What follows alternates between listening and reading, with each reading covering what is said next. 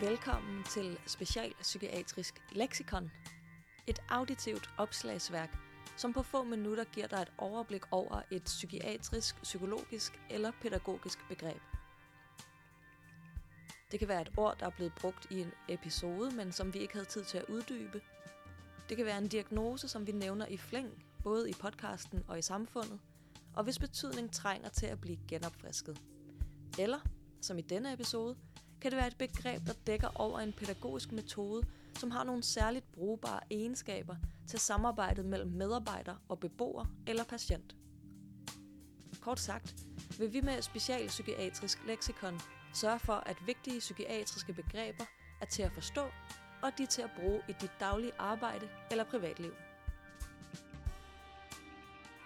I dagens leksikon slår vi op under den pædagogiske tilgang og metode low arousal – vi har berørt begrebet i en tidligere episode af Specialpsykiatrisk podcast under emnet selvbestemmelse og magtanvendelse. Low arousal er nemlig navnet på en af de tilgange og metoder, vi i Grande Recovery and Health inddrager i vores arbejde med at forebygge og undgå situationer, hvor en magtanvendelse kan føles som sidste udvej. Lexikon-afsnittet i dag er derfor skrevet med udgangspunkt i netop det arbejde, vi laver her i koncernen, altså socialpsykiatri på voksenområdet. Low arousal kan selvfølgelig også bruges i andre faglige sammenhænge eller i privatlivet, og så kunne opslaget få et andet fokus og andre eksempler. Men nok metasnak. Nu slår vi op i leksikonet og går i gang. Hvis vi skal definere low arousal kort, kan vi sige, at det er en konfliktnedtrappende, ikke fysisk, metodisk tilgang til mennesker i affekt, altså en hæftig og intens, men relativt kortvarig følelsestilstand. På dansk oversættes low arousal nogle gange til rogivende pædagogik eller afstemt pædagogik. Og det giver god mening. For et af grundprincipperne bag metoden er, at ro ligesom andre sindstemninger, smitter. Når vi arbejder med mennesker i psykiatrien, skal vi som fagligt personale skabe en rolig hverdag for særligt de mennesker, som har udfordringer med at regulere deres følelser på egen hånd. Det gør vi bedst ved selv at være rolige og følelsesmæssigt reguleret. Og det er den rogivende pædagogik, altså low arousal, rigtig god til at hjælpe med. Hovedtanken, når vi arbejder med low arousal inden for pædagogik og psykiatri, er, at jo mere medarbejdere og borgere samarbejder om at øge trivsel og tryghed, desto større er sandsynligheden for, at kritiske situationer bliver færre, og det bliver nemmere at håndtere, hvis de opstår.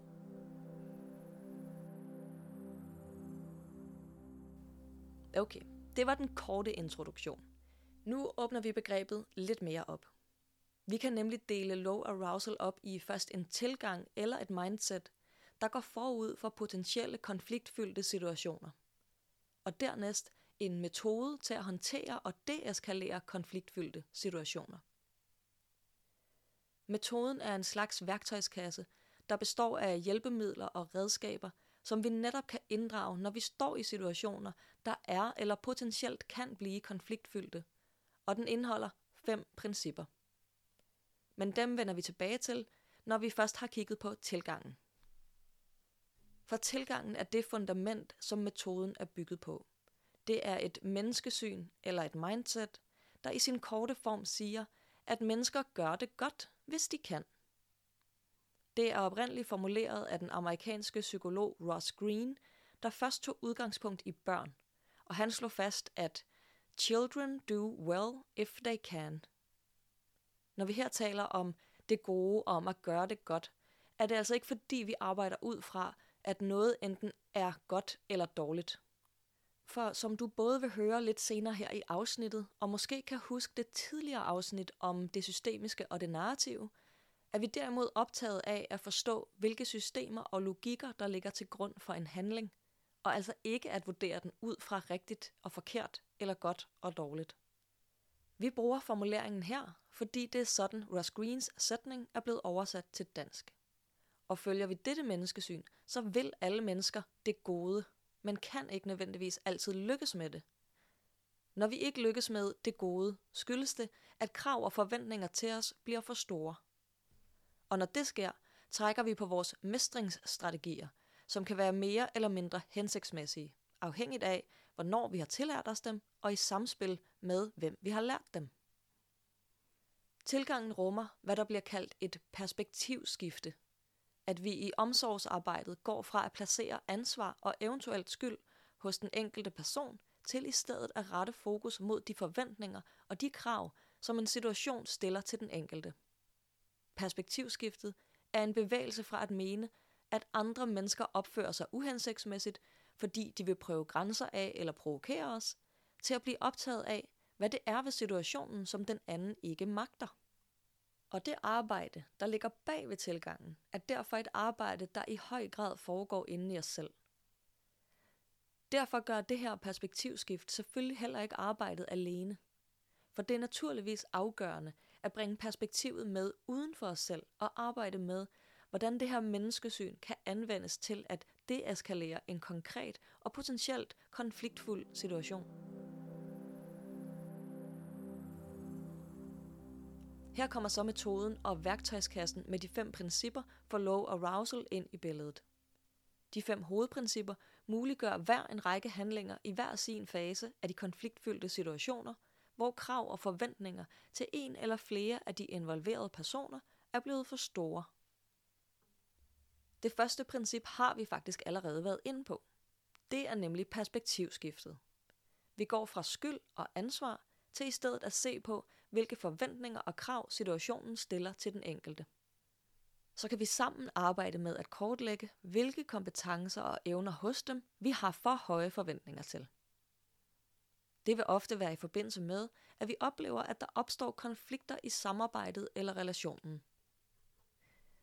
Det er afgørende, at kortlægningen udarbejdes i fællesskab med den person, som oplever udfordringerne. Simpelthen fordi vi arbejder med et menneskesyn, der holder fast i, at beboeren, borgeren eller patienten selvfølgelig kender sig selv bedst. Det andet princip eller værktøj i kassen hedder kontrolprincippet.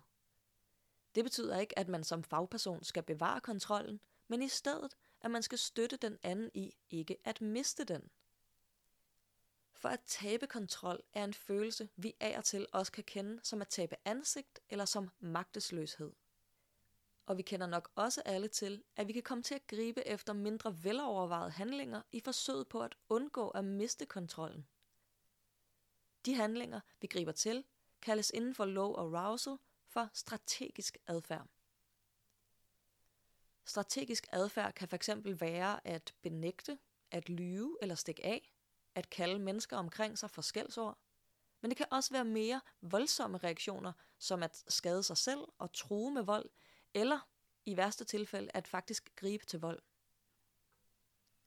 Tab af kontrol og strategisk adfærd opstår, når kravene bliver for store, så på den måde hænger principperne sammen. Og hvis en medarbejder kan se, at en borgers adfærd bliver strategisk, er det derfor vigtigt at skabe en udvej for dem. Det kan gøres ved at skabe gode forudsætninger for, at den enkelte kan bevare selvkontrollen eller genvinde den hurtigt, hvis de skulle miste den. En konkret handling under det her princip kan være at undlade at holde øjenkontakt, så vi ikke presser personen ved at fastholde deres blik. En anden er at være meget forsigtig med at stille krav. For i en eskalerende situation vil det være stort set umuligt for en person at leve op til kravene. Det tredje princip går på, at følelser smitter. Når en person allerede er kommet ind i eskaleringsfasen, er det tid til at bruge nogle andre værktøjer. Her er det vigtigste os selv og vores egen adfærd. Vi skal sørge for, at vi prøver at smitte den anden med ro, frem for at vi smitter dem med stress og adrenalin. I vores egen praksis bruger vi billedet at spejle sig om det her princip. Altså at personen, der på det her tidspunkt er i high arousal, kan spejle sig i den rogivende medarbejder, low arousal. Det kan vi konkret gøre ved blandt andet at tage en dyb indånding og sørge for, at vi ikke presser borgeren med øjenkontakt og krav som under kontrolprincippet. Hvis det er en mulighed, kan man også foretage et personaleskifte for ganske enkelt at få andre energier og følelser ind i situationen. Det fjerde princip hedder ansvarsprincippet. Ansvarsprincippet kaldes også evalueringsfasen, hvor vi kigger på, hvad der gik galt, efter at en eskaleret situation er deeskaleret igen.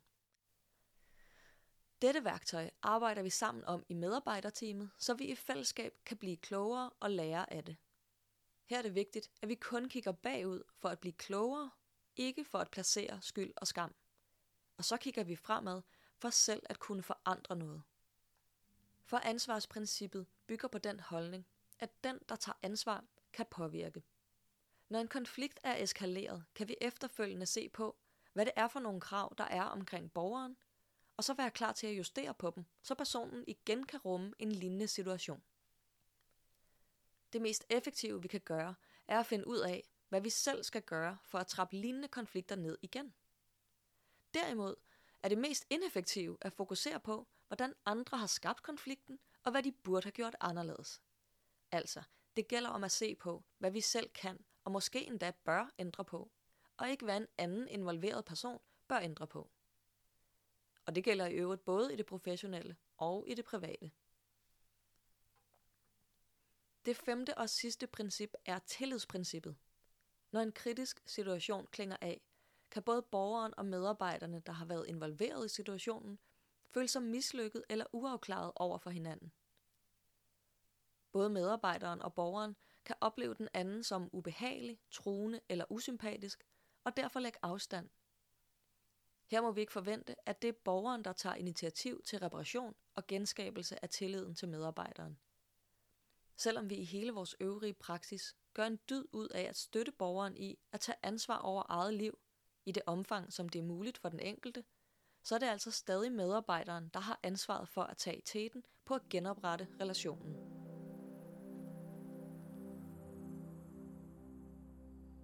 I Grand Recovery and Health har vi arbejdet med low arousal i omtrent fem år. Tilgangen udvikler sig stadig, og vi tilpasser den også, sådan at den hele tiden skaber størst mulig tryghed for både borgere og medarbejdere. De positive virkninger af tilgangen og metoden er der heller ikke til at skjule, for vi har heldigvis meget få magtanvendelser. Og vi har et klart indtryk af, at en af grundene til det er, at vi simpelthen møder en borger, der er i high arousal på en anden måde, end de forventer. Altså med ro frem for en lignende konfliktoptrappende fremtoning. Formuleret på en anden måde, så låner vi vores beroligende adfærd og kropssprog til borgeren, der som resultat ofte selv bliver rolig igen.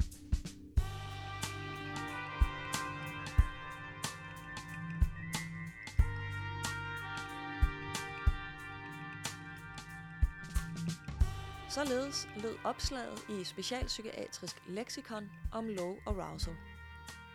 Hvis det er noget, du er interesseret i at nørde videre omkring selv, så kan jeg anbefale at google underviser og foredragsholder i low arousal Jakob Kjærby Lens, der har lavet YouTube-videoer og podcast om emnet. Det har han blandt andet gjort sammen med sin egen underviser, Bo Heilskov Alven, der er psykolog, forsker og kursusholder i low arousal. Socialstyrelsen har også en del materialer liggende om emnet, og har blandt andet optaget en webinarrække om magtanvendelser. Så hvis det er der, din interesse ligger, er der masser af materiale at gøre sig klog på. Men tak fordi du lyttede med her i dag.